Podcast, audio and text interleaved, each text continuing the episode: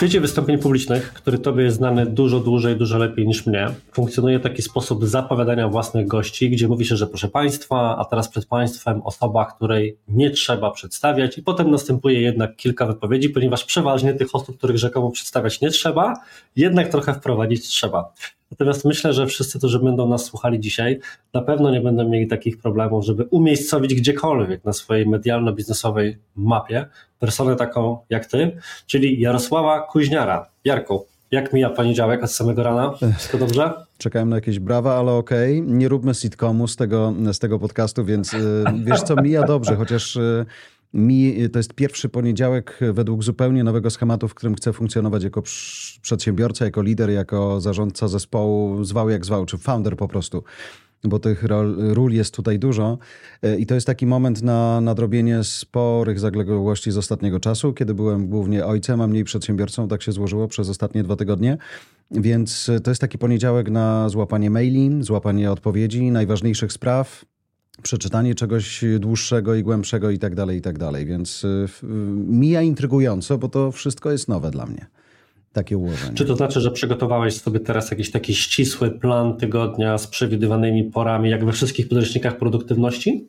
Nie wiem, czy to z podręczników produktywności, ale bo, bo więcej słucham niż czytam y, w, ostatnio, natomiast y, tak, jest coś takiego, że doszedłem do wniosku, że inaczej nie będę skuteczniej zarządzał swoim czasem. Nawet nie wiem, czy będę w tym czasie produktywny, bo mój partner in crime w tym studiu, Pucek Bartek, zachęca też do tego, żeby czasami robić nic i się nudzić, bo to też jest potrzebne, więc y, niewykluczone, że w moim kalendarzu jeszcze na to miejsca nie ma, ale miejsce na to, żeby się nudzić, wpisane z godziną trwania też będzie.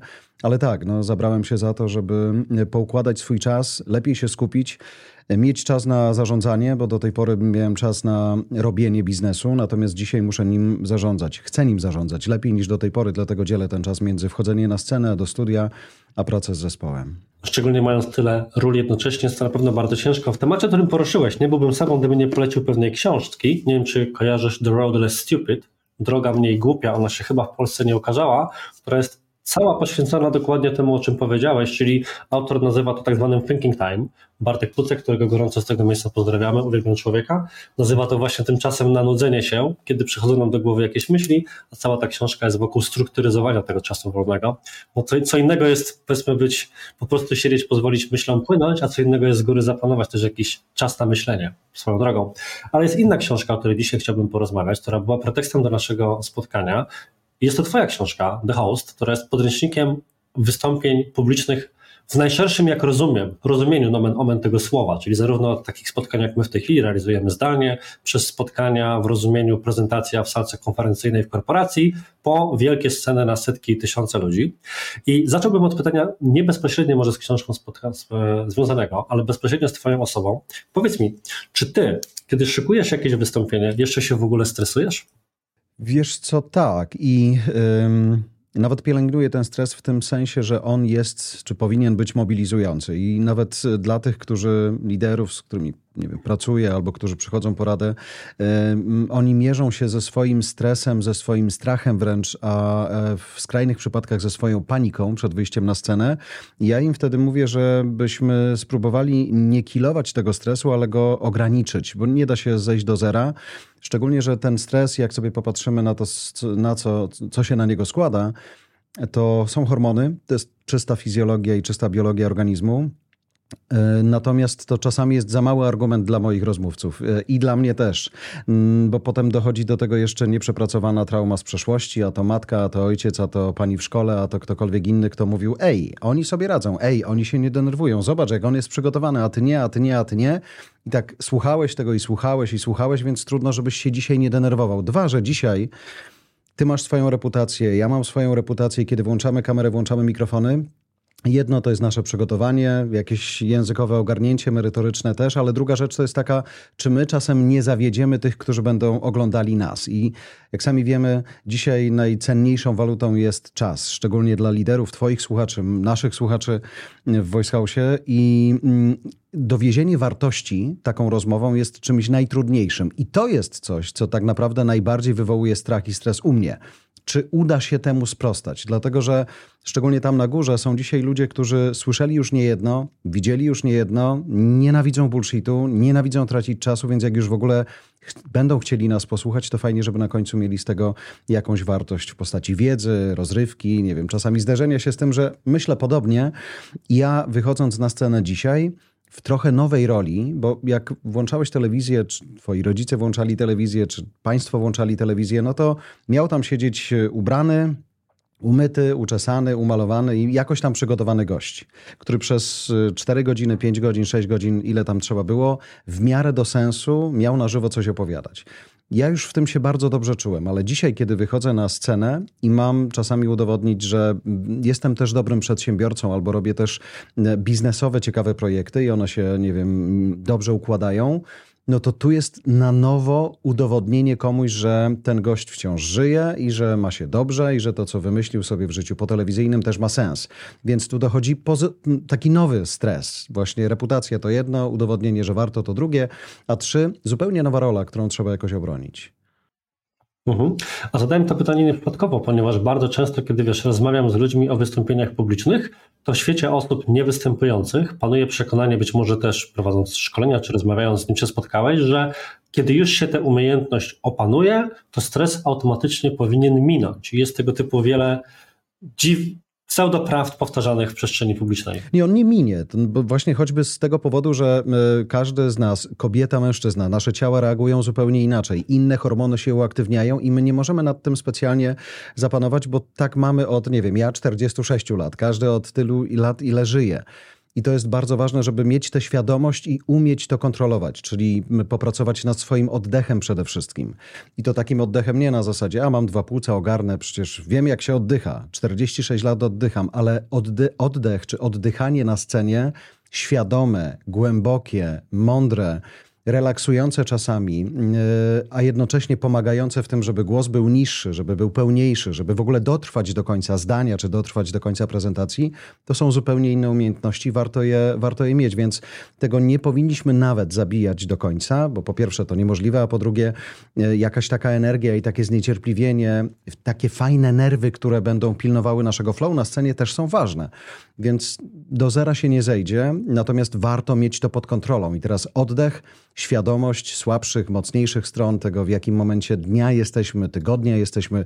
Pytałeś mnie, jak, jak w poniedziałek.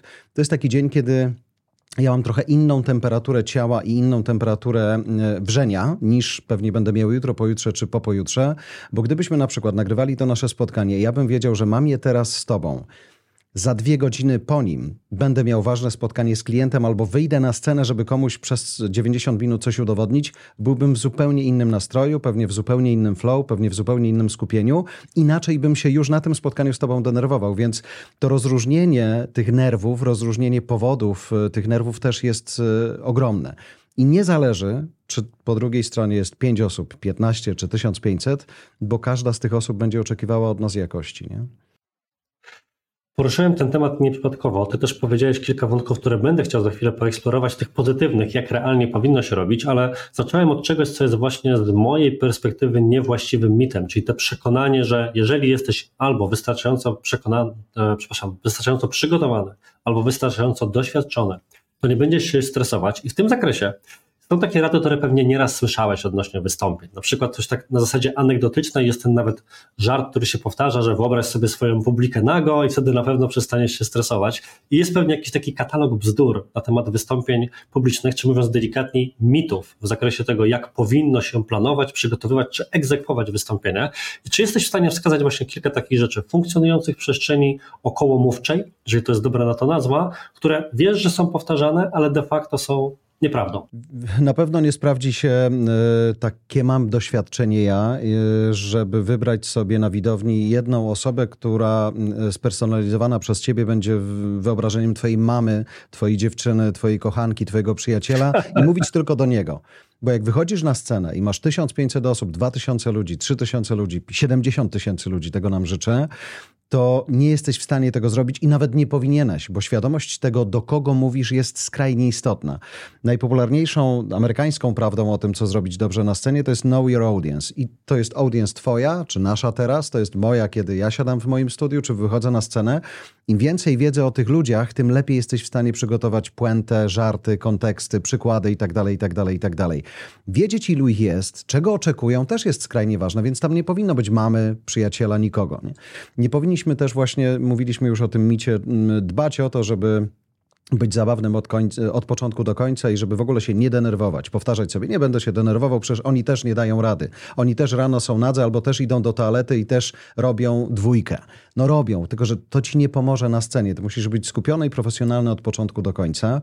Więc wyobrażę, takie pacyfikowanie naturalnych takich emocji, które wywołują scena czy studio, jest absurdalne, bo powinniśmy raczej to umieć oswajać, umieć e, zrozumieć, co nas tam czeka, w jakiej roli występujemy, czego się od nas oczekuje i zmierzyć się z tym. To jest to zadanie. Więc a propos tego katalogu bzdur, to wyobrażanie sobie najbliższych, to. Wyobrażanie sobie, że oni właśnie potrafią być nadzy albo też robią rzeczy, które my robimy, czyli takie zawstydzające, że to też są ludzie. Zawsze to też są ludzie i nawet y, łatwiej nie trzeba sobie ich wyobrażać nagich. Łatwo to widać też, kiedy y, są tacy mówcy, którzy wychodzą, mówią: Ja się denerwuję, więc jak wyjdę na scenę, to to, co mogę zrobić, to od razu zadam pytanie publiczności. I to jest moment najgorszy, dlatego że publiczność oczekuje, żebyśmy jej udowodnili, że warto poświęcić nam czas Scena jest w tym momencie nasza. I reflektory są na nas, więc jak my nagle chcemy o coś zapytać i trochę y, przekręcamy te reflektory na nich, którzy są niegotowi, nie mają pomysłu na odpowiedź i tak dalej, już jesteśmy na przegranej pozycji. Więc wydaje mi się, że to są te, te najbardziej, e, nie wiem czy one są absurdalne i bzdurne, ale, ale są amatorskie rady, kiedy mówimy, pamiętaj, że po drugiej stronie są tacy, którzy na pewno gorzej sobie poradzą niż ty. Nie wiemy tego. Mogą tam być lepsi mówcy od nas, natomiast my mamy swoją chwilę, E, swoją przestrzeń, swój czas na scenie i to, co powinniśmy wiedzieć, to to, że mm, im więcej wiedzy o tych ludziach, tym lepiej dla naszego wystąpienia. Mam tendencję do zadawania bardzo długich pytań albo robienia bardzo długich wstępów jako podbudowę do pytania, więc teraz muszę Cię poprosić o cierpliwość w tym zakresie, ale to będzie naprawdę zmierzało do pytania. Otóż, e, wystąpienia publiczne są mi bliskie. Chciałbym je kiedyś bardzo dobrze opanować i zawsze się zastanawiam, próbuję sobie zrobić taką inżynierię wsteczną, co działa bądź nie działa. I jednocześnie myślę właśnie o tych wszystkich radach funkcjonujących w przestrzeni. I w zasadzie jest trochę tak, że kiedy czyta się dostępne przeważnie online bądź offline materiały na temat wystąpień publicznych, to mam wrażenie, że one próbują wziąć jakiegoś człowieka, usunąć pewne jego wady i dopasować go do pewnego modelu, tak zwanego modelu nomen omen modelowego wystąpienia. Jeżeli chodzi właśnie o niższy niż naturalny tembr głosu, być może wolniejsze frazowanie i kilka innych takich cech, które pewnie też za chwilę mógłbyś wymienić. Z drugiej strony, kiedy później tak refleksyjnie zastanawiam się nad tym, jakich mówców ja lubię i jak oni się zachowują na scenie, i próbuję sobie na przykład odtworzyć jakiegoś, na przykład TEDxa bądź cokolwiek innego i skupić się na tym, co jest mówione, na tym, jak jest mówione, a nie co jest mówione, to bardzo często widzę, nie pamiętam tej ładnej nazwy, ale te wszystkie efekty dźwiękowe typu y, e, Widzę osoby, które nie patrzą na publikę i patrzą gdzieś w dziwną przestrzeń. Widzę osoby, które dużo chodzą, choć w teorii nie powinno się chodzić i tak dalej, i tak dalej. Ten przydługi wstęp prowadzi mnie do dość krótkiego już pytania. Z Twojej perspektywy, osoby, która pewnie widziała setki, jak nie tysiące mówców, co jest na koniec dnia ważniejsze? Perfekcja sceniczna w rozumieniu tych rzeczy, które wymieniliśmy, tembr głosu, tempo mówienia i tak dalej, czy przebicie się z własnym charakterem, niezależnie od wad, które temu charakterowi towarzyszą? To jest dobre pytanie i akceptuję to, że było rzeczywiście przydługie pytanie. Natomiast e, nie wiem, czy to przypadek, czy nie, ale y, wydaje mi się, że mam idealną odpowiedź na Twoje pytanie. Bo mógłbym oczywiście odpowiedzieć, y, to zależy, ale to byłaby głupia odpowiedź i staram się jej unikać. Mógłbym powiedzieć wszystko i udowodnię, że w tym wszystko jest jednak jak najwięcej prawdy. Ale podam Ci przykład na sam, na sam początek. Skończyłem wczoraj w nocy mm, serial o mm, śnieżnym bractwie. Mogłem go być oczywiście obejrzeć na raz, ale był zbyt długi, żeby, żeby zobaczyć, co się tak naprawdę w górach, w Andach w tym 1972-1973 roku wydarzyło. Kiedy para wybitnych sportowców, może nie wybitnych, ale sportowców z Urugwaju wystartowała samolotem i miała dotrzeć na miejsce, ale samolot rozbił się w Andach. E, Nie wszyscy przeżyli. Doszło do aktów kanibalizmu, doszło do niesamowitych y, zdarzeń mm, podejrzewam przepotężnych zmian w mentalu tych ludzi, tych facetów, którzy przeżyli. I kiedy zatrzymałem w połowie oglądania ten serial parę dni wstecz, sięgnąłem do internetu, żeby nie zobaczyć, jak ta historia się skończy, ale sprawdzić, czy ktoś z tych, którzy przetrwali, dał gdzieś głos. Jest jeden z nich, który się nazywa Fernando Parrado, którego możesz usłyszeć między innymi na TEDzie.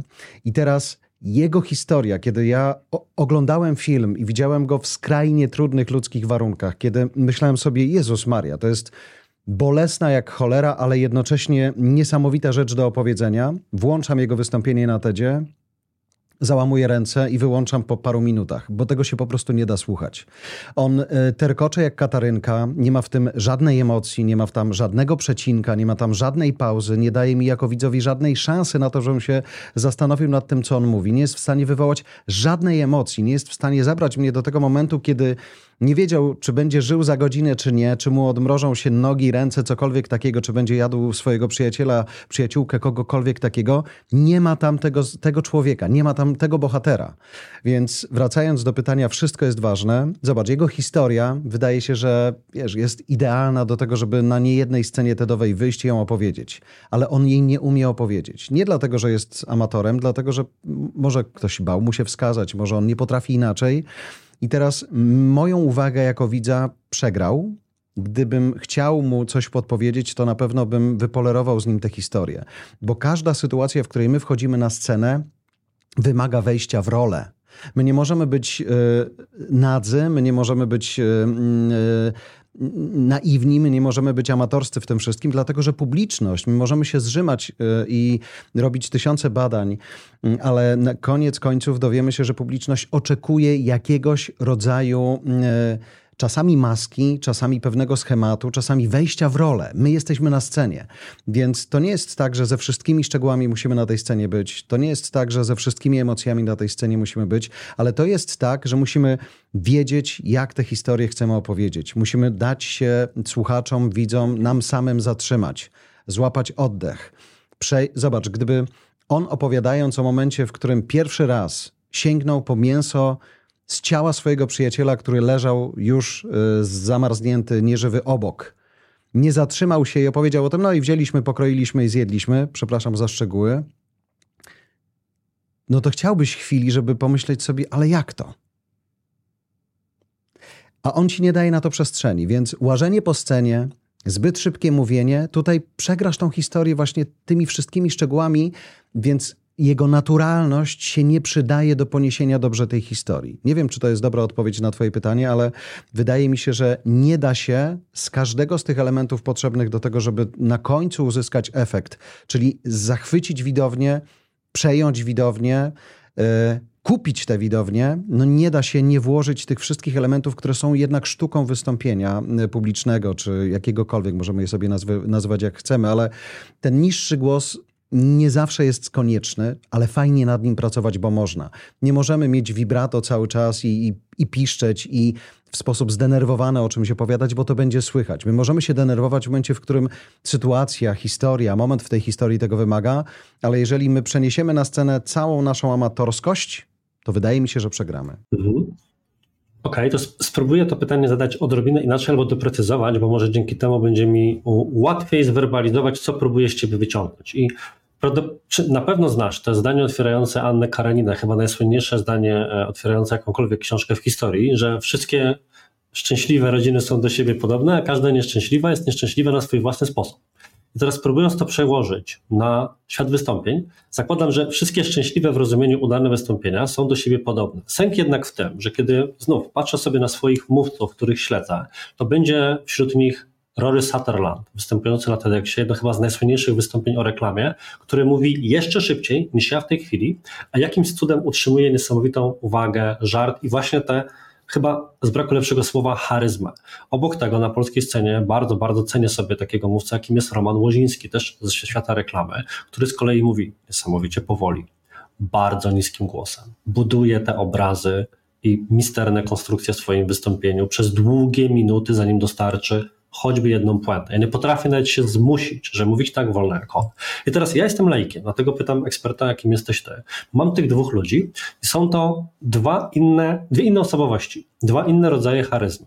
Ale być może jest właśnie coś takiego, co prawdopodobnie łączy i tego mówcę, i tego mówcę, czego ja nie widzę i czego też na przykład nie widzi osoba, która szykuje jakieś wystąpienie, więc potem siedzi sobie i mówi, nie, z tym to się trzeba urodzić, to trzeba właśnie mieć to, to mityczne to coś, to trzeba mieć ten dar. Czy są właśnie takie osoby, gdzie paradoksalnie możesz połączyć jakąś parabolą i świat bardzo szybkiego, ekstrawertycznego mówienia i bardzo cichego, niskiego, powolnego i jest pewien katalog repertuar cech, który po czym mówisz, że tego mówcę się kupuje z uwagi na to, na to i na to w jego wystąpieniu. Na końcu musisz obronić się wiedzą, albo historią, albo talentem, albo czymś wyjątkowym. I zakładam, że tych dwóch panów, o których wspomniałeś, oni dla ciebie mm, są wartością samą w sobie, dlatego że mają wiedzę, której ty szukasz. Wtórnym wtedy jest sposób, w jaki ją przekazują. Natomiast wydaje mi się, że gdyby oni przekazywali to w taki sposób, który ciebie z uwagi na tempo albo na, na tempo w rozumieniu szybkie albo wolne, mm, nie zawsze to akceptujesz, nie zawsze kupujesz, ale czekasz na nich i słuchasz ich, dlatego że na końcu, prędzej czy później, dowiesz się tego, e, czego chcesz. E, uzyskasz tę obietnicę, którą oni ci w jakimś sensie, zapraszając cię na spotkanie ze sobą, składają. Wydaje mi się, że w tym znaczeniu, jeżeli mielibyśmy wybierać, e, no to nie da się mm, wejść na scenę i e, być amatorem w wykonaniu i amatorem w merytorycznym przygotowaniu. E, w tym przypadku zakładam, że wygrywa właśnie to drugie, tak? Czyli oni być może mm, mówią to w sposób naturalny dla siebie, nie zwalniając albo zbytnio zwalniając, ale jednocześnie dowożą jest wielu mówców, którzy lekceważą wszystkie zasady bycia na scenie i nie dowożą. Ja też y, długie miesiące czy nawet lata wychodziłem z takiej pułapki nieprzygotowania, to znaczy wydawało mi się, że ja języka w gębie nie zapomnę. Udowodniłem to sobie i widzom nie raz. Natomiast y, każda scena, która dzisiaj jest widoczna, każda scena, która dzisiaj zaprasza, to jest scena, która wymaga większego przygotowania, dlatego że na tych scenach jest coraz więcej ludzi, a wtedy jakość teoretycznie powinna rosnąć, a na pewno rosną oczekiwania, dlatego że jesteśmy w stanie dotrzeć też do takich mówców czy do takich wystąpień, które są po prostu kompletne, są dobrze zrobione, są dobrze napisane i są dobrze wykonane. Więc ja byłem tym, który właśnie bardzo szybko mówił, bardzo dużo mówił, ale w którymś momencie sam się łapałem na tym, że nie wiem, w którym momencie swojego wystąpienia jestem. Dzisiaj za każdym razem jestem lepiej przygotowany, w ogóle przygotowuję się do tego, żeby wystąpić. I mam takie poczucie też, że kiedy nawet widząc czas, z, mówię szybciej niż bym chciał, nie zatrzymuję się tak bardzo, jakbym chciał, nie buduję napięcia tak bardzo, jakbym chciał, to na końcu, jeżeli e, dowożę mimo wszystko wiedzę, to, to, to czuję się, że jestem w cudzysłowie zwycięzcą i, i ludzie nie mają, e, nie mają poczucia, że stracili ze mną czas. Więc tutaj dochodzi raczej do tego typu kompromisowych sytuacji. Mogę nie być perfekcyjny w wykonaniu, ale jak nie dowiozę merytoryki, to przegram podwójnie. Mhm. To po czym ty poznajesz dobre wystąpienia? W sensie to się rozpoczyna, minęło 2-3 minuty jego wystąpienia i to przeważnie wystarczy, żeby już stwierdzić, że czy chcesz się na tym człowieku skupić, czy nie.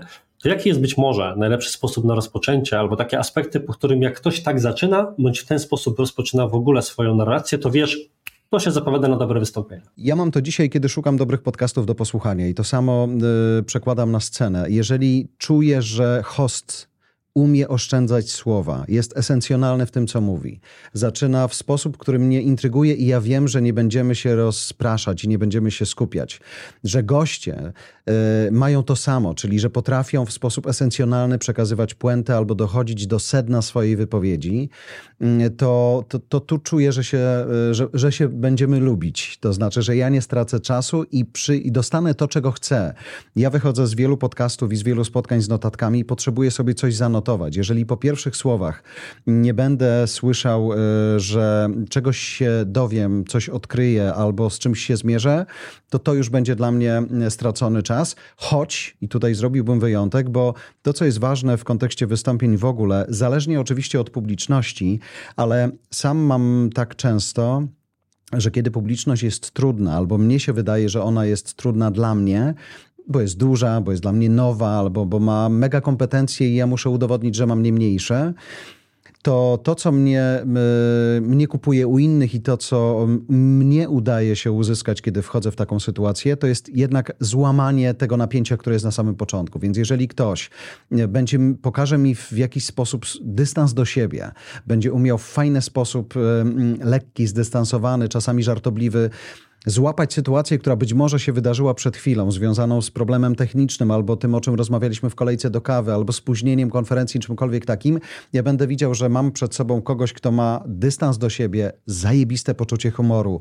I za chwilę dołoży mi do tego swoją warstwę merytoryczną, otworzy to zdaniem albo mm, czymkolwiek takim, które wiem, że ma szansę ponieść nas daleko, no to, to na pewno nie wyjdę i zostanę. Natomiast wszyscy musimy pamiętać o tym, że dzisiaj na scenie, nawet jeżeli jesteśmy zakontraktowani na 90, 45 minut czy 17 jak na TEDzie, to liczą się sekundy. Pierwsze, tak jak w każdym możliwym e, kawałku kontentu poza sceną, tutaj nie ma szans na, na nic innego. Albo kupujemy, albo nie. Jasne, że Używam też takiego sformułowania w Dehoście, że jest trochę tak ze sceną, e, że ona jest jak mecz tenisowy, dlatego że my możemy przegrać e, gema, możemy przegrać seta, ale możemy jeszcze wygrać cały mecz.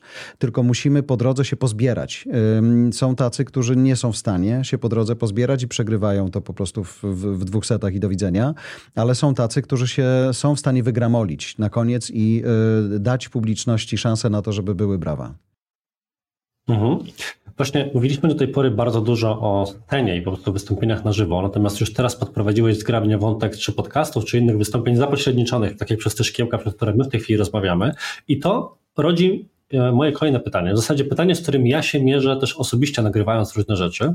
I to pytanie brzmi, jak przebić się z osobowością przez szkiełko kamery? Ponieważ czasami posługuję się takim ze swoim zespołem, rozmawiając porównaniem, że gdyby nagrać przeciętne spotkanie w naszych firmach, mimo że nam się wydaje, że temperatura dyskusji jest wysoka, i puścić to komuś niezaangażowanemu w tę sprawę z boku, to zobaczyłby kilka smutnych ludzi mówiących spokojnym tempem na rzekomo angażujący temat. I tak samo jest trochę, kiedy się bierze czasami nawet na co dzień dość ekstrawertyczne osoby i stawia się przed kamerą i one próbują, zachowując się nawet w miarę blisko tego swojego naturalnego czy sposobu mówienia, czy sposobu bycia, mówić właśnie przez takie szkiełko, jak my w tej chwili rozmawiamy, puszcza się to potem i się okazuje, kurczę, jakieś to nudne, jakieś to takie miałkie, nie widać w ogóle charakteru, a przecież ta osoba uchodzi za charyzmatyczną. Czy jest jakiś, ponownie, katalog, czy lista, lista rzeczy, które, o których należy pamiętać, bądź które należy robić, żeby była większa szansa, że to bardzo niewybaczające szkiełko faktycznie odda to, jaką osobą jesteś?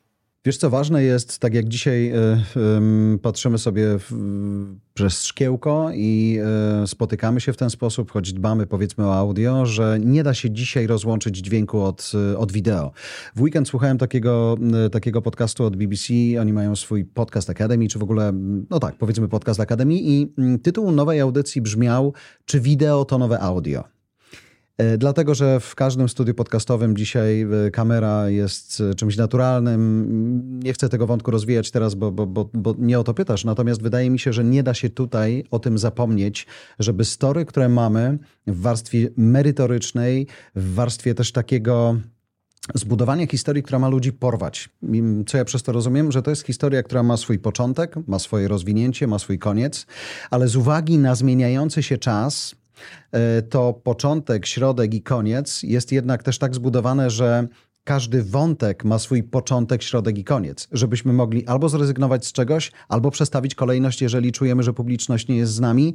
Nie możemy sobie pozwolić na to, żeby w bardzo długi sposób wchodzić w historię, w bardzo długi sposób ją rozwijać i w jeszcze dłuższy ją kończyć. Czasy przyspieszyły. Natomiast to, co jest ważne i na co wielu y, amerykańskich y, mm, naukowców, bo jak, jak, jak pisałem czy dzisiaj, jak przygotowuję się do, do, do kolejnego podręcznika, który chciałbym wydać za rok, może dwa, skupionego tylko na storytellingu, to, to co mnie fascynuje, to jest patrzenie na to, dlaczego nasze głowy reagują tak, a nie inaczej na mówców, którzy stoją na scenie.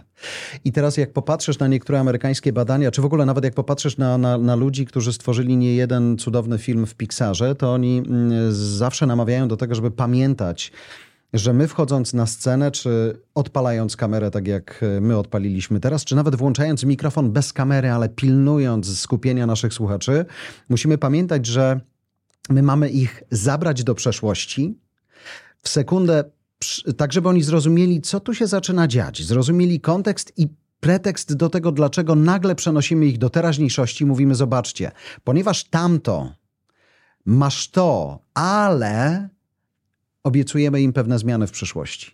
I w, w, tych regułach pixarowskich też jest taka, taka zasada, jedna z, z, z kilkudziesięciu, która mówi o tym, że Idealnym będzie pokazywanie rzeczy niedoskonałych w naszych historiach, najlepiej filtrowanych przez nasze własne doświadczenia i personalizowanych przez mówcę, ale nie po to, żeby ludzie mówili: haha, on też upada, jemu się też nie udaje, zobaczcie, on też leży, tylko po to, że publiczność uwielbia patrzeć, to może nie być nasza osobista historia, tylko historia, z którą my przechodzimy, ale tak skonstruowana.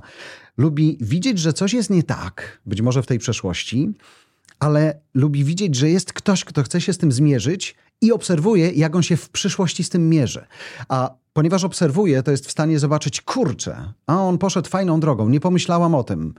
Poszedł tą drogą, którą poszedłem ja, to było dobre, i tak dalej, i tak dalej. Zaczynamy szukać kogoś, z kim możemy się utożsamić. Więc dzisiaj, e, przebijając się przez szkło, wydaje mi się, że nie da się po pierwsze e, nie patrzeć prosto w kamerę, choć wiem, że dzisiaj technologia jest w stanie spuścić nam wzrok z, z sufitu i przybliżyć go do kamery, bo to jest najczęstszy problem wszystkich, którzy musieli się od czasów covidowych z tym mierzyć, ale nie da się kupić czyjejś uwagi, nie da się spojrzeć, nie da się e, wygrać tego, tego nagrania, nie patrząc komuś w oczy. Szczególnie jeżeli wiemy, że po tej drugiej stronie są ludzie, którzy będą oglądali to nagranie nasze na telefonie, na tablecie, na czymś małym, albo, co też jest dzisiaj, e, myślę, bardzo dominujące, odpalą sobie na dużym telewizorze aplikację e, Spotify'a nawet i puszczą sobie tam wideo, no albo odpalą sobie na dużym telewizorze YouTube'a. Jak będziemy unikali wzroku ludzi po drugiej stronie, przegramy od razu.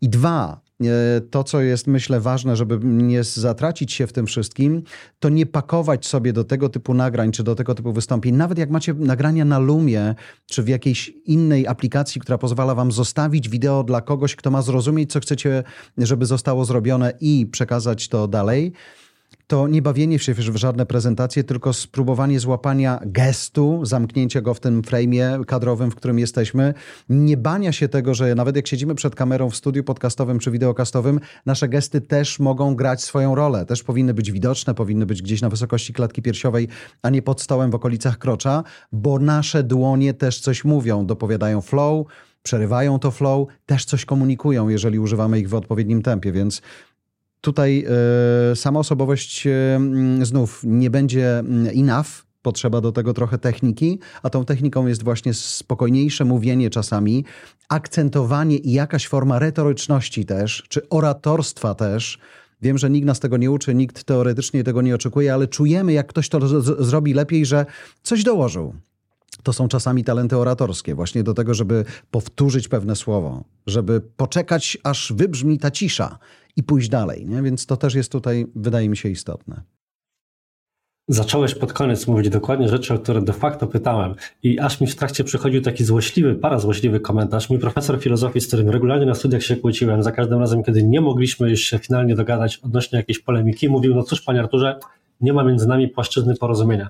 I miałem takie wrażenie, że to też jesteśmy na trochę dwóch różnych płaszczyznach i już mówię Ci jakich, ponieważ e, moją w tej chwili interpretacją jest to, że przychodzę do Ciebie z pytaniem, które mnie się wydaje pytaniem o charakterze formalnym, typu e, Jarku, powiedz mi proszę, jak to się robi. Za każdym razem, kiedy się o to pytam, to jedną z Twoich odpowiedzi albo dominującym tematem tej odpowiedzi jest raczej mówienie o charakterze merytorycznym co powiesz, jak to potencjalnie obudujesz. A teraz być może spróbuję wyprowadzić z tego pierwszego pytania kolejne, które pomoże nam się jednak na tych obu płaszczyznach zetknąć. Już tłumaczę o co chodzi.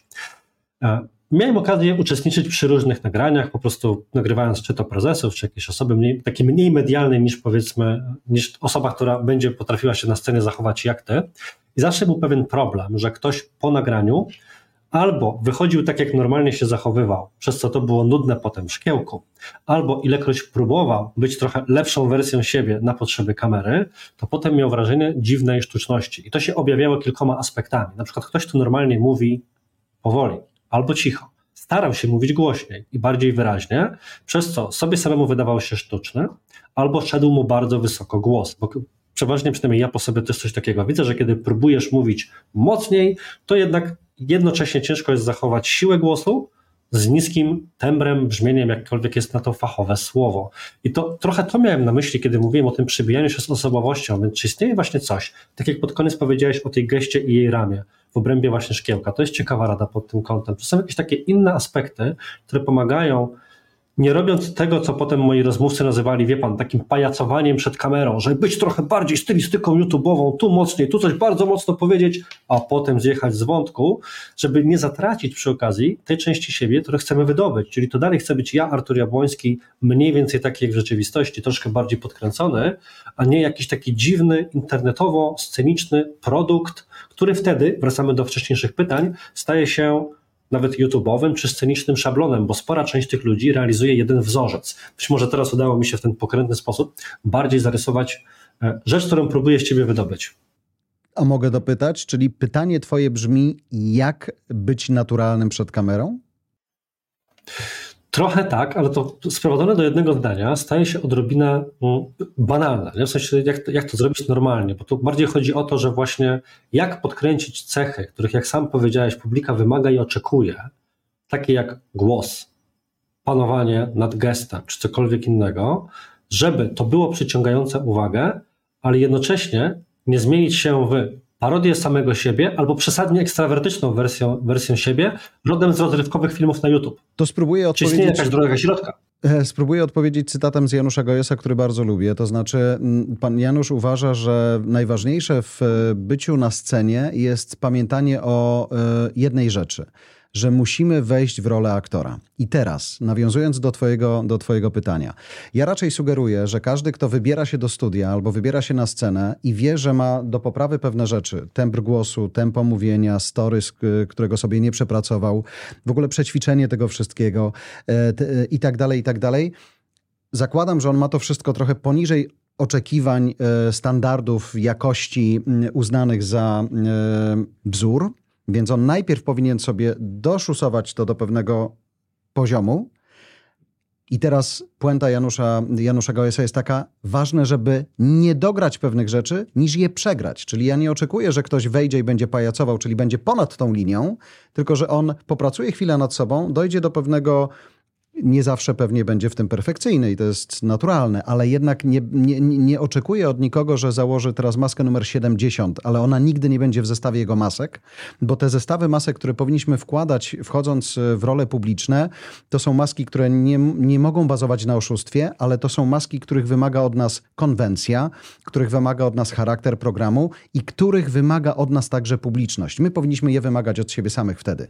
Więc jeżeli to jest spotkanie przed Radą Nadzorczą, mamy inną maskę przed zarządem, mamy inną maskę przed e, zespołem w grudniu, przed świętami, inną maskę, kiedy siadamy w studiu podcastowym, inną maskę, kiedy Andrzej Duda idzie do kanału Zero na rzekomo luźną rozmowę, to zdejmuje marynarkę i niestety pokazuje się w takiej roli, w jakiej, w jakiej jest. Więc o to mi tutaj chodzi. Najpierw pracujemy nad tym, żeby poprawić nasze e, nasze niedociągnięcia w kontekście publicznego wystąpienia.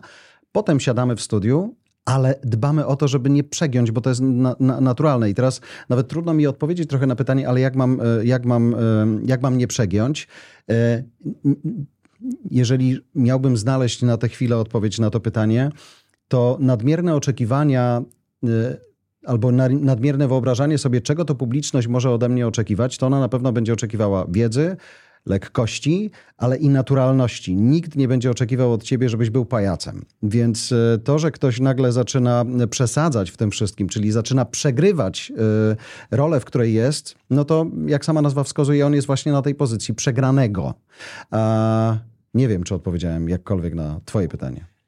Myślę, że jak najbardziej to powiedziałeś, ponieważ moją niewdzięczną rolą dzisiaj jest bycie trochę adwokatu z diaboli, jeżeli chodzi o po prostu katalog rzeczy, które w kontekście wystąpień ja czasami również słyszę, kiedy są to na przykład nawet proste nagrywki dla mediów na potrzeby naszych klientów, które muszą być realizowane siłami działu PR-u, korporacji i tak dalej.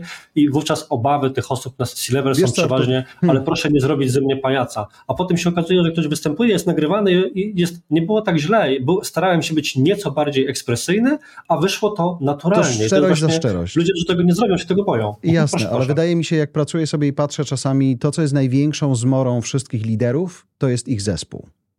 Przepraszam za to zdanie. Ale jak patrzę czasami na zespoły komunikacji, na zespoły PR-u czy marketingu, e, które przyprowadzają gości do studia i mówią: No dobra, no to mamy miejsce, to teraz gadaj. I on przychodzi do studia i rozkłada sobie cztery kartki A4, które są zapisanym tekstem, który PR, marketing chce, żeby on wypowiedział, no to one już czynią z niego e, słup ogłoszeniowy i już ograniczają jego, jego możliwości.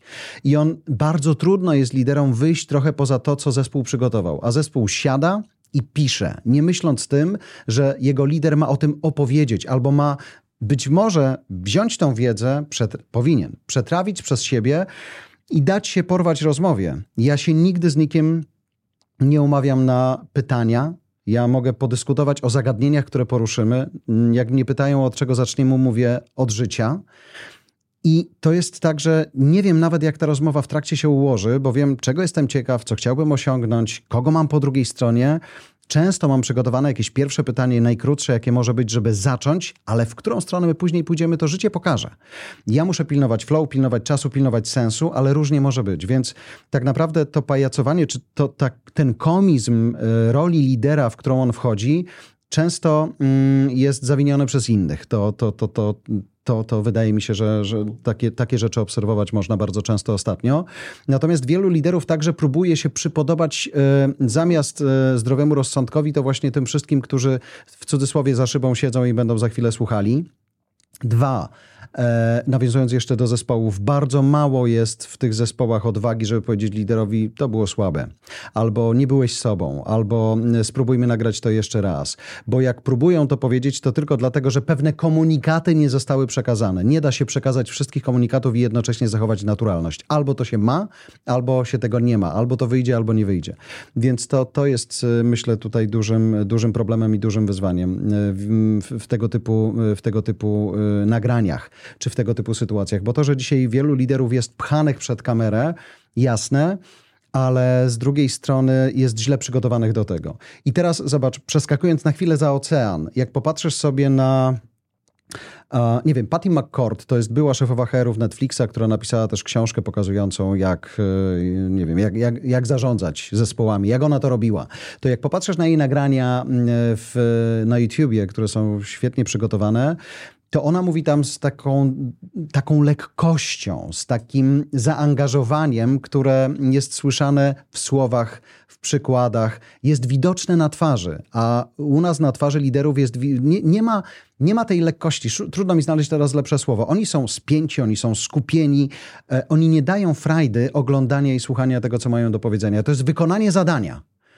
A wykonanie zadania, kiedy są włączone kamery i włączony jest mikrofon, to jest coś więcej niż tylko wypełnienie punkt po punkcie tego, co marketing albo PR kazali powiedzieć. I jeszcze musi być rola w tyle koniecznie wtedy. Nie? To, jest ta kolejna zmora nagrań często, które kojarzę gdzieś z tej przestrzeni. Ale wiesz co, poruszyłeś tutaj właśnie wątek, do którego też powoli zmierzałem, bo myślę, że leitmotivem naszej rozmowy, to zależnie czy mówimy o tym aspekcie formalnym, czyli jak mówić, przygotować się, czy aspekcie merytorycznym o czym, jest właśnie wątek przygotowania. Na pewno jest Ci znany, bo myślę, że to jest chyba już bon mot branży występującej, ten słynny cytat Churchilla, prawda, że jeżeli mam mówić dwie godziny, to będę się szykował pięć minut, jeżeli mam mówić pięć minut, będę się szykował dwie godziny. I to chciałbym podprowadzić właśnie do pytania, być może o Twoje osobiste doświadczenie, jak generalnie ty przygotowujesz się do wystąpień? Pojawił się już wątek oczywiście Know Your Audience. Czy jest jeszcze jakaś inna, ponownie, checklista rzeczy pana Jarosława Kuźniara, o czym musisz pamiętać, szykując dobre wystąpienia?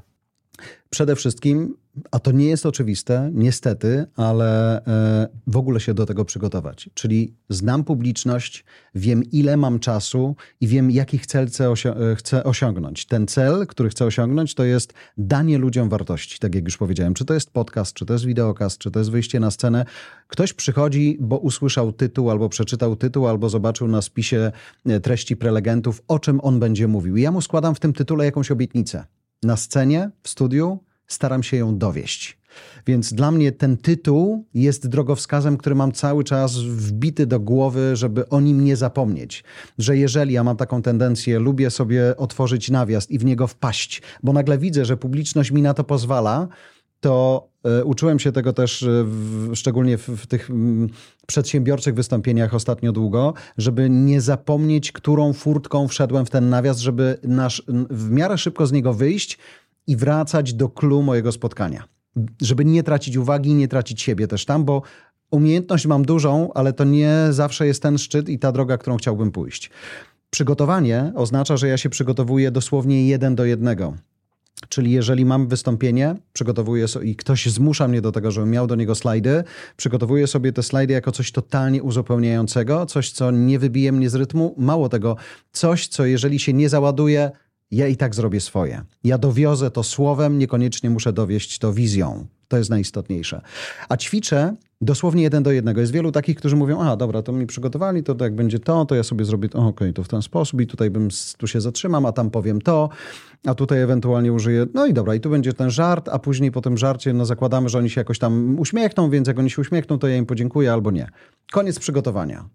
Jezus, nie da się tak, choć to jest bardzo typowe. To, y, I dlatego to robienie tego jeden do jednego żeby sobie po pierwsze zmierzyć czas, żeby to sobie jakkolwiek nagrać nawet amatorsko na telefon stojący na wysokości naszych oczu, żeby usłyszeć, czy słowa, których używamy, zdania, które konstruujemy, czy puenty, które mamy, albo przykłady, które dajemy, są fajne. Może trzeba je podmienić. Nie każdy może sobie pozwolić na to, na co sobie pozwalali w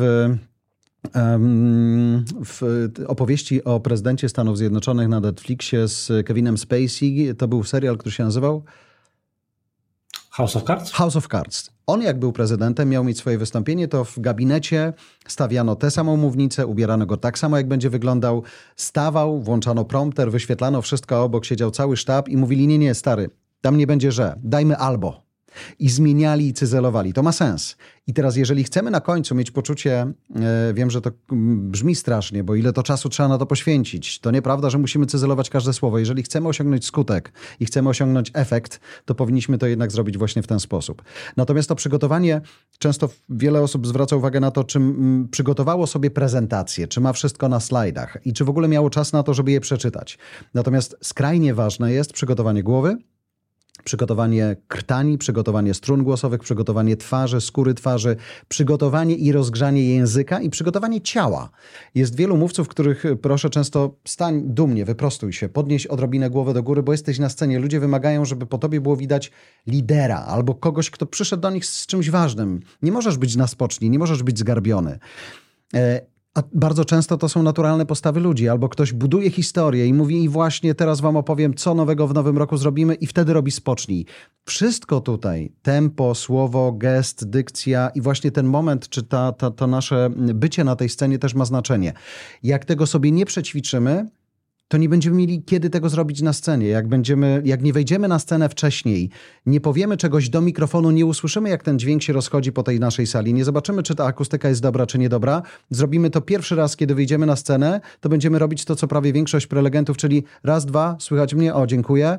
No, tak jak powiedział przed chwilą prowadzący, nazywam się Jan Kowalski, reprezentuję firmę XYZ i opowiem wam za chwilę o tym i o tym. Zobaczcie, co zresztą przygotowałem dla was i nagle pojawia się spis treści. Pierwsze e, cztery minuty spokojnie do kosza, nie? Więc o to chodzi, żeby sobie to przećwiczyć, żeby usłyszeć, żeby zobaczyć, jakie są światła, żeby nie wchodzić, nie mrużyć oczu i nie dokładać do tego, co powiedziałem przed chwilą jeszcze, o wow, nie sądziłem, że tu będzie aż tak jasno. W ogóle was nie widzę. Hej, jesteście tam? Powiedzcie coś, bo nie wiem, czy jesteście. What the fuck? To w ogóle nie jest o tym. Więc ta próba powinna być mentalna, fizyczna i techniczna, e, taka dosłownie jeden do jednego. I teraz jeszcze jedna podpowiedź w kontekście przygotowania dla pań, ale myślę, że dla panów też choć e, nie podejrzewam, żebyśmy biegali w szpilkach, natomiast e, to, w jakim obuwiu wyjdziemy, na jaką scenę też ma znaczenie, bo widziałem wiele pań, które ćwiczą sobie w adidasach, e, następnego dnia przychodzą w, żakietach, na szpilkach, a scena już nie jest szorstka, tylko folia została zdjęta, jest śliska jak cholera i one przez całe swoje wystąpienie myślą o tym, wywalę się czy nie. Nic więcej. Także to przygotowanie, mm, mm, wspomniałem przez chwilę delikatnie jeszcze o garderobie, ale to też ma znaczenie, żebyśmy byli tak przygotowani do tego naszego wystąpienia, żeby ani słów nie zabrakło, ani żadna techniczna rzecz nas nie zdziwiła, oraz żeby nasz strój też nas komunikował na tym poziomie, na którym chcemy być skomunikowani i żeby nam nie przeszkadzał. Oraz, a propos mentalnego przygotowania, Strój bardzo często dodaje nam poczucia pewności siebie. Więc jeżeli możemy mieć na sobie coś, co daje nam takie poczucie, że wyglądamy jak mm, milion dolarów, to trzymajmy się tego, żeby wyglądać tak jak główny bohater z YouTube, też na Netflixie swoją drogą, bo jemu to na sali sądowej dodawało odwagi, a jednocześnie wiele osób nie chciało z nim dyskutować właśnie dlatego, że po prostu wszystko u niego świetnie grało. Do cynizmu dokładał strój, pewność siebie, był Bogiem. Czyli stara maksyma, czego nie powiem, to dowyglądam, jednak się sprawdza.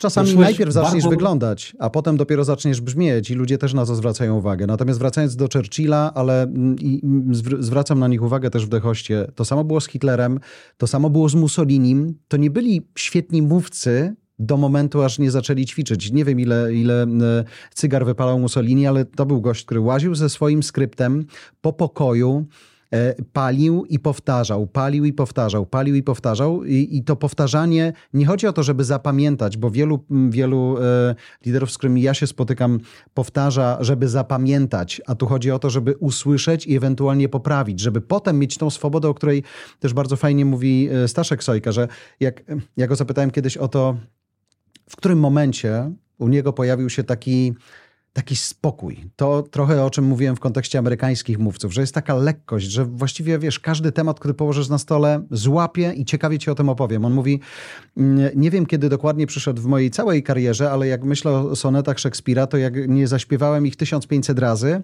to nie mogłem sobie pozwolić na jakąkolwiek e, elastyczność. Musiałem je bardzo porządnie zagrać i zaśpiewać w taki w taki sposób, tyle i tyle razy, a dopiero potem przyszedł luz. Więc to trochę o to chodzi. O to chodzi w ćwiczeniu. Czyli najpierw trzeba opanować reguły, żeby móc je łamać. Nie wiem, czy zgodzisz się z Dokładnie. takim diktum. To chyba, chyba tak, bo tak mi się wydaje, przybrzmiewa to z, twojego, e, z Twojej wypowiedzi, bo sam szykując wystąpienia mam następujące doświadczenia, że dopiero kiedy rzeczywiście powiesz chociażby fragment, na którym Ci szczególnie zależy, dopiero widzisz rzeczy, które są kalekie i wymagają poprawy. Że dopóki właśnie to przygotowanie jest na poziomie, ok, najpierw to, potem to, potem to, to jest to na tyle ogólne, że nie widzisz właśnie tych delikatnych elementów, które doprowadzą Cię do zupełnie innych wątków w wystąpieniu, albo usłyszysz sam z zewnątrz, co, choć mimo, że uchem wewnętrznym również, że jednak niewystarczająco podkreśliłeś jakąś rzecz. Musisz to wypowiedzieć. Jest wiele osób, jak, jak pracuję sobie czasami z dużymi agencjami, które sadzają swoich liderów i mówią, a teraz z promptera będzie łatwiej, spokojnie z promptera. I teraz ile ja się naprzepisywałem tego, co zostało włożone do promptera, bo to, że jest z promptera, no to to, to jest napisane, ale widz nie będzie widział twojego cholernego promptera. Będziesz patrzył mu prosto w oczy, on będzie patrzył, gdzie to twoje gałki oczne biegają, ale ty musisz to powiedzieć, więc musimy zmienić ten tekst na tekst mówiony. A my jak mówimy, używamy innych słów, używamy innych zwrotów, przynajmniej powinniśmy, więc koturnowanie, dokładanie słów, które totalnie nie są, nie są z tego języka lżejszego, jest, e, jest bardzo naturalne, ale jed- jednocześnie prowadzi do śmieszności, o której już mówiliśmy, dlatego że wielu liderom też, albo ludziom w ich zespołach wydaje się, że nie wypada powiedzieć e, zrobił. On zawsze musi coś dokonać, albo czegoś dokonać. On musi e, przyjść gdzieś z małżonką, a nie z żoną i tak dalej, i tak dalej, i tak dalej. A to, to, to brzmi komicznie już samo z siebie. I teraz, kiedy oni jeszcze bardzo często założą zły strój na to wszystko i kiedy e, będą, będą próbowali być e, luźniejsi niż są, no to tu się zacznie e, zgrzytanie i to zgrzytanie zębami. Mhm. Tutaj poruszyłeś jeszcze inny wątek przygotowania. Myślę, że w świecie przygotowań do wystąpień publicznych i stosunkowo na ten moment, jak kojarzę literaturę przedmiotu, najmniej eks- eksplorowane. Czyli właśnie to przygotowanie, nazwijmy je fizycznym. I czy są jakieś, być może jedno bądź dwa, bo zakładam, że w podręczniku jest tego dużo więcej, chociażby wnioskując po spisie treści, ćwiczenia, które mógłbyś nam teraz polecić, na przykład czy to na dykcję, czy właśnie rozgrzanie aparatu mowy, tak żeby osoba, która nie wierzy w takie rzeczy, a wiesz, wielu ludzi wychodzi z założenia właśnie, że wyjdę i powiem, no przecież będzie na pewno dobrze, od których rzeczywiście szybko widać różnicę i ktoś powie, kurczę, jak mogłem bez takiego ćwiczenia w ogóle się odzywać. Wiesz co, na pewno szybko to tej różnicy nie będzie widać. Ja pamiętam, że jak miałem 15-16 lat i poszedłem pierwszy raz, do logopedy, no to mm, mnie się wydawało, że brzmię zajebiście, a się okazało, że świszczę, że się ślinię i że mm, wymawiam pewne samogłoski i spółgłoski w sposób fatalny, więc jednak się nagadałem i naćwiczyłem. E, używałem takiej starej metody, której dzisiaj się już raczej nie używa, to jest korek w zęby na sztorc. E, mnie się wtedy wydawa, ale nie, nie namawiam dla, i zaraz wyjaśnię dlaczego. Dlatego, że mm, mnie to zostało przepisane przez panią specjalistkę, natomiast dzisiaj e, różnie się do tego podchodzi. W ogóle generalnie z naszym ciałem no offense. Tam nie może być żadnego na siłę. Bo tutaj, jak popatrzymy sobie na złączenie naszej górnej i dolnej szczęki, to one są bardzo delikatnie połączone tutaj. Jak pamiętacie z lekcji biologii, jak wyglądał. Kościotrup w sali, no to tutaj wiecie, że to jest naprawdę coś delikatnego. I tutaj jest taka mała kosteczka, która sobie funkcjonuje. Jak my za mocno coś zrobimy, to jak nam ona przeskoczy, to ból ustawiania tego jest niemiłosierny, więc nie próbujcie. Ale warto w ogóle to miejsce złapać, więc jeżeli pozwolisz, ja e, teraz nałożyłem na siebie odrobinę make-upu kiedy wiedziałem, że będziemy włączali kamery, ale robimy to wszystko przed make-upem, czyli kładę sobie też te moje kciuki tutaj właśnie na to, na to łączenie, palce kładę na, na, na skórze, e, która jest tutaj na czole, dlatego, że potrzebujemy sobie tą skórę też roz, ro, rozgrzać troszeczkę, rozciągnąć. Tutaj jednocześnie masuję sobie ten moment, jak będziecie to robić, to poczujecie też, że nagle ślinianki zaczynają pracować, więc to jest dodatkowa fajna rzecz. I przede wszystkim mówię, ci, którzy mają wystąpienia ranne, powinni w samochodzie gadać, śpiewać, dyskutować, zadzwonić do kogoś bliskiego, pogadać z nim o czymkolwiek, żeby struny głosowe nie pierwszy raz nie odzywały się na scenie, tylko odrobinę wcześniej. Najważniejsze jest to, wiele osób myśli sobie, że właśnie ma szeroko buzię otworzę, to będę taki wyraźny. Będzie o, a nie o, będzie a, a nie o. Natomiast to, ten korek wtedy też nie był po to, żebym ja szerzej otwierał gębę, tylko po to, żeby, i on dzisiaj też po to jest. Zresztą zamiast korka możecie sobie włożyć kciuk do buzi, tak jak ja teraz. I mów to, co chcesz powiedzieć, co może ten tekst, który macie wygłosić. Będziecie brzmieli tak jak ja teraz, celowo, ale jak słyszycie, nie chodzi o szerokość rozwarcia, za przeproszeniem, yy, tylko o to, żeby język nie miał się gdzie ruszyć. Język się wtedy gniecie i gniecie i gniecie, a im bardziej będzie wygnieciony, tym wyraźniej będziecie mówili. Yy, I potrzeba na to chwili. To są mięśnie, więc one potrzebują zapamiętać pewne schematy, ale one też bardzo szybko tężeją. Więc dobrze jest rozgadać się przed sceną, dobrze jest yy, rozgrzać się czasami dosłownie przed sceną, dobrze jest się odrobinę rozciągnąć, tak jak dosłownie przed biegiem albo po biegu, e, żebyście fizycznie się po prostu dobrze czuli, bo kiedy wejdziecie na scenę nierozgrzani e, w ciele, nierozgrzani w buzi i dojdzie stres, no to pierwsze co, to będzie nabranie powietrza. Ludzie tak robią. Nabieramy powietrza, bo teraz mamy coś powiedzieć. Jak nabraliśmy powietrza, to za, zawaliliśmy sobie nasze dwa małe płucka, bo one nie są duże. Odcięliśmy sobie powietrze z przepony, która tak naprawdę pompuje nam cały czas powietrze i nie powinniśmy o tym zapominać. No i jak mamy je, od razu przymknęliśmy trochę krtań, więc już brzmimy inaczej. Uwolnienie tego ciała i uwolnienie powietrza, raczej dobieranie sobie spokojnie powietrza w trakcie mówienia, to jest to. Też jak wchodzicie na scenę, bo ktoś zapowiedział, to nie wchodzicie mówiąc, tylko spokojnie czekacie, aż brawa ustaną, nawet jeżeli będą krótsze niż wy idziecie. Dochodzicie do miejsca, w którym możecie zacząć, stajecie na dwóch nogach, tak żeby złapać podparcie i zaczynacie mówić. Tyle lat, ile żyjecie, organizm pamięta, że jak chcecie powiedzieć, to powietrze będzie w organizmie. Nie da się wydobyć dźwięku bez powietrza, więc nie musicie go sztucznie nabierać żeby blokować i liczyć na to, że się uda, że to, co nabrałem, wystarczy mi na całą kwestię, którą mam do wypowiedzenia tylko śmiało będziecie je dobierać sobie w trakcie i wtedy będziecie się lepiej czuli. W ogóle zanim wejdziecie na scenę i będziecie czuli stres, to takie nabieranie sobie powietrza e, mocniejsze niż zwykle, nawet nie medytacyjne, ale takie bardzo świadome, czyli przez jakieś 3 do 5 sekund nabieram powietrza, Trzymam je w płucach przez 3 do 5 sekund i w tym samym tempie je wypuszczam ze 2-3 razy. To jest coś, co po pierwsze uspokoi Wam trochę e, nerwy, emocje, a do, dotleni głowę, więc ona już będzie inaczej mówiła. I będziecie, będziecie o tym e, trochę lepiej pamiętali już później na scenie. Powinno pójść łatwiej. Taką rzeczą, którą powoli zmierzając już do końca, bym to nawet podsumował, to, że czas jest pojęciem względnym i że dopiero widząc na scenie, kiedy się siedzi, widać jak inne jest postrzeganie tej krótkiej chwili, którą nawet człowiek potrzebuje, żeby się za przeproszeniem ogarnąć i poczuć swobodnie, kontra to, jak postrzega to publika. Ja swego czasu właśnie najgorzej szły mi wystąpienia wtedy, kiedy starałem się bardzo szybko zacząć, bo ledwo wszedłem, już chciałem mówić i wydawało mi się, że o Boże, oni już tyle czekają, tyle czekają, aż ja się odezwę. A od tamtego czasu zaczynam sobie robić eksperymenty, jak długo publika wytrzyma, zanim się zacznie wiercić. I spokojnie można i do 10 doliczyć i dopiero zacząć mówić i nic złego się nie stanie. Pytanie, czy potwierdzasz? Potwierdzam, bo wiesz co, jest dużo takich sytuacji i zaciąłem się, ale to fatalnie wyglądało i teraz oglądamy sobie to, ja mówię, zobacz, to jest moment, w którym się zaciąłeś. Raz, dwa, trwał dwie sekundy, nikt nie zauważył. Głowa na scenie mówi, Jezus, ile to trwa. Ja jestem z radia, więc mi wszyscy mówili, tam nie może być ciszy, pamiętaj, zagaduj ale dzisiaj ta świadomość tego, że właśnie w momencie, w którym opowiadamy coś ważnego i chcemy, żeby to wybrzmiało, albo mamy salę, na której się fajnie niesie, nie wiem, pamiętam, a miałem przyjemność pracować niedawno z Nomen Omen Netflixem też na, w Narodowym Forum Muzyki we Wrocławiu. To w sumie mogłem stać bez nagłośnienia. Głos się tak niesie, ale jednocześnie on tak prowokuje do tego, żeby właśnie nie terkotać, tylko żeby mówić i mówić i mówić i mówić. To nie znaczy, że musimy mówić wolno, bo możemy się bawić tempem, ale jednocześnie musimy dać szansę, żeby to doleciało tam, gdzie ma dolecieć, z tym, co chcemy, żeby doleciało. Więc to też jest tutaj istotne. I nie przejmować się tym, bo głowa ciśnie. Głowa mówi, jest gorzej niż jest. W realu, jakbyście oglądali to na szpiegu, to nie będzie bolało. Hmm. To, to jest chyba podobna rzecz, jak w takiej zwykłej komunikacji na spotkaniach.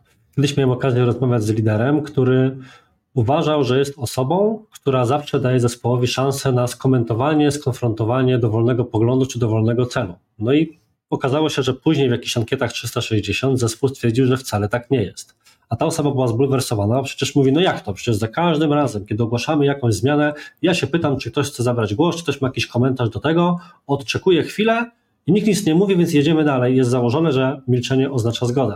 Ale potem, kiedy się włączyło właśnie liczenie, to okazało się, że ten człowiek czekał może półtora palca, licząc do pięciu, aż ktoś się odezwie. Nikt nawet myśli nie zdążył zebrać, a on już szedł dalej. Więc takie postrzeganie i operowanie ciszą i w tym momencie chyba pauza, o której wspomniałeś wcześniej, jakbym miał wskazać z mojej perspektywy rzecz, od której należałoby zacząć pracę nad wystąpieniem, a pewnie pomogłaby, ekstrapolując to, kilka innych problemów załatwić, to byłoby to właśnie poczucie komfortu, właśnie z niemówieniem, zanim tak. się zacznie mówić. To prawda. Ja jak przygotowuję sobie też wystąpienie, czy jak przygotowuję kogoś do, do, do wystąpienia, to dzielimy sobie tekst, który nawet jeżeli jest napisany, przez nas przygotowany, przetrawiony i tam jest story, które trzeba dobrze opowiedzieć, nie czytać, opowiedzieć, to zwykle w tekście nasz akapit może zawierać nawet 10 zdań. Natomiast do, do, do mówienia potrzebujemy mieć akapity króciutkie, dwa, trzy zdania max, krótkie zdania. W ogóle to, co pozwala też robić tempo w mówieniu, to jest budowanie tego wszystkiego na krótkich zdaniach. Nie na, na monosylabach, ale na krótkich zdaniach, które pozwalają postawić kropkę. I jest różnica między pauzą a kropką. Pauza to jest taki moment, w którym czasami ta pauza to oznacza przecinek, czasami to jest dwukropek i wyliczanie czegoś. Natomiast kropka to jest taki moment, w którym zamknęliśmy jakąś myśl. I teraz jest wiele osób, które nawet jeżeli mają w tekście kropkę, nawet jeżeli właśnie coś ważnego powiedziały, to to wszystko jest na takim intonacyjnym otwarciu. Tam nie ma intonacyjnego domknięcia jak ja teraz, przesadnie trochę, nie? Ale to też buduje pewne skojarzenia i to też buduje jakiś posłuch w publiczności.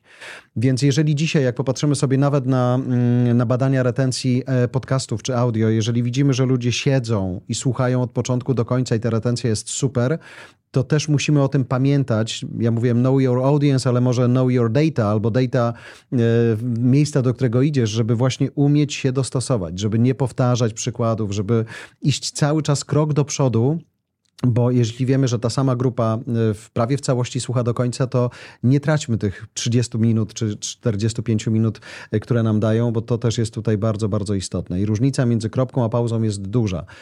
Y, o ile pauz może być czasami dużo na, jedne, na jeden akapit, na jedno zdanie, to, to kropkę trzeba pielęgnować. Nie? Po niej zwykle powinno nastąpić coś, co pozwala nam na scenie zmienić kierunek, zmienić kierunek ruchu, ale też kierunek patrzenia czasami. Dopieściliśmy prawą część sali, doszliśmy do ważnego momentu, odwracamy się, zaczynamy i yy, to też się do, do tego przydaje oraz no, to jest sygnał dla głowy i dla przepony, daj trochę powietrza. Na pauzie albo na kropce. Na pauzie dobieramy sobie trochę powietrza, a na kropce bierzemy głęboki oddech, tak żeby cały czas pilnować tego natlenienia. Uwaga, ostatnie podchwytliwe pytanie.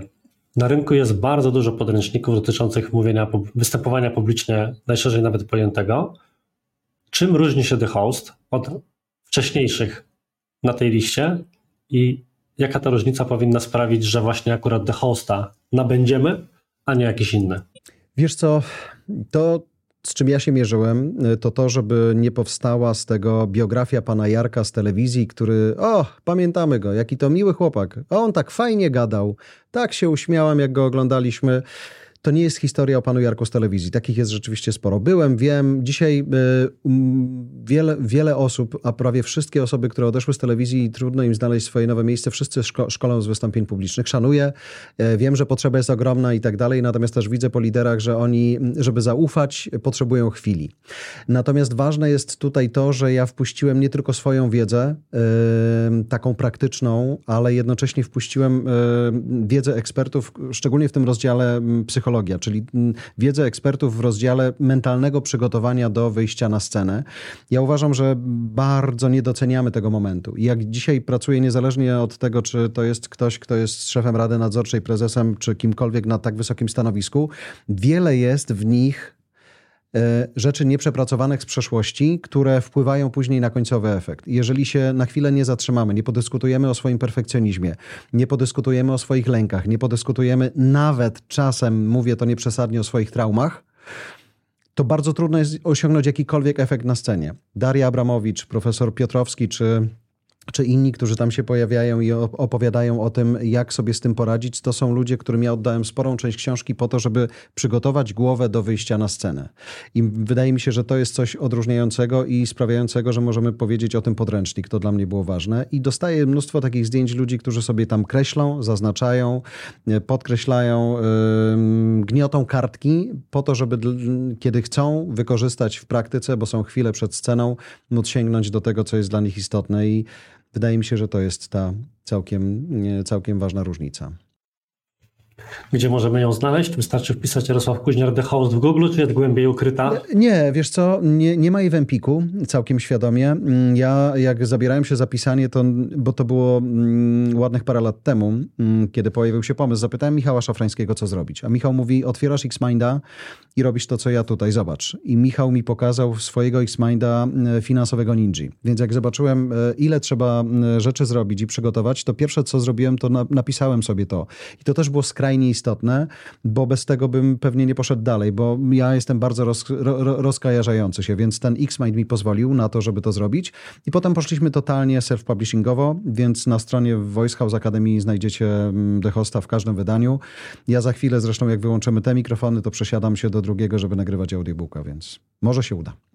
Trzymamy kciuki, ja czekam Dziękuję. na audiobooka, bo tak jak każdy zajęty człowiek e, i zresztą każdy rodzic, który jakoś wróci do domu, to bardziej chodzi, woli pobawić się z dzieckiem niż siadać do lektury, no to jednak te audiobooki mnie w długich trasach ratują. Jarko, bardzo chętnie zapytałbym Cię jeszcze o milion innych rzeczy, bo jeszcze masz kilka twarzy i przedsiębiorcy i podcastera i każdy z tych wątków niezależnie od siebie mnie interesuje. Mam nadzieję jednak, że dasz się po prostu namówić na osobne rozmowy również w tych pozostałych tematach i tutaj 50 twarzy Jarosława naszym słuchaczom i oglądającym przy okazji pokazać. Za dziś Ci bardzo, bardzo dziękuję. Czy jest jakaś jedna ostatnia kończąca myśl, którą chciałbyś być może podsumować nasze spotkanie, albo właśnie być, e, do czegoś zachęcić, jakąś taką wiesz, sentencję na koniec jeszcze naszym oglądającym, widzom, słuchaczom zostawić? Wiesz co, myślę, że to Know Your Audience jest skrajnie istotne, ale nie tylko dlatego, że sam je stosuję i, i opisuję w książce, ale trafiłem ostatnio na książkę, która jest przygotowana przez dwóch naukowców ze Stanów, którzy mówią, jak pisać dla ludzi, którzy są zajętymi czytelnikami.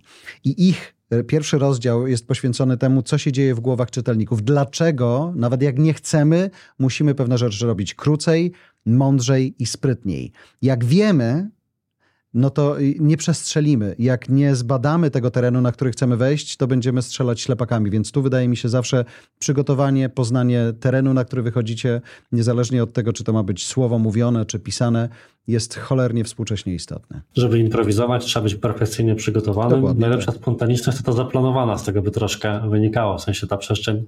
Ja się zawsze śmieję, że, że marketing czy sprzedaż to są czynności półkreatywne. Czyli są pewne schematy, w które musisz się wpasować i pewne rzeczy, w których możesz być właśnie sobą czy swoją marką w tym wypadku.